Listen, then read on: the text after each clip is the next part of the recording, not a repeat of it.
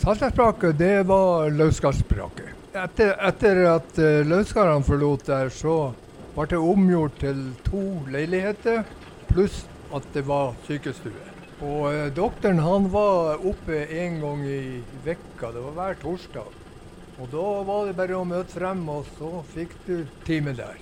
Og uh, under krigsårene så var det en russisk fange som kom over. Han var i elendig forfatning. Han hadde vært kålbrann i foten. Og da ble han faktisk værende på sykestua i ca. 14 dager.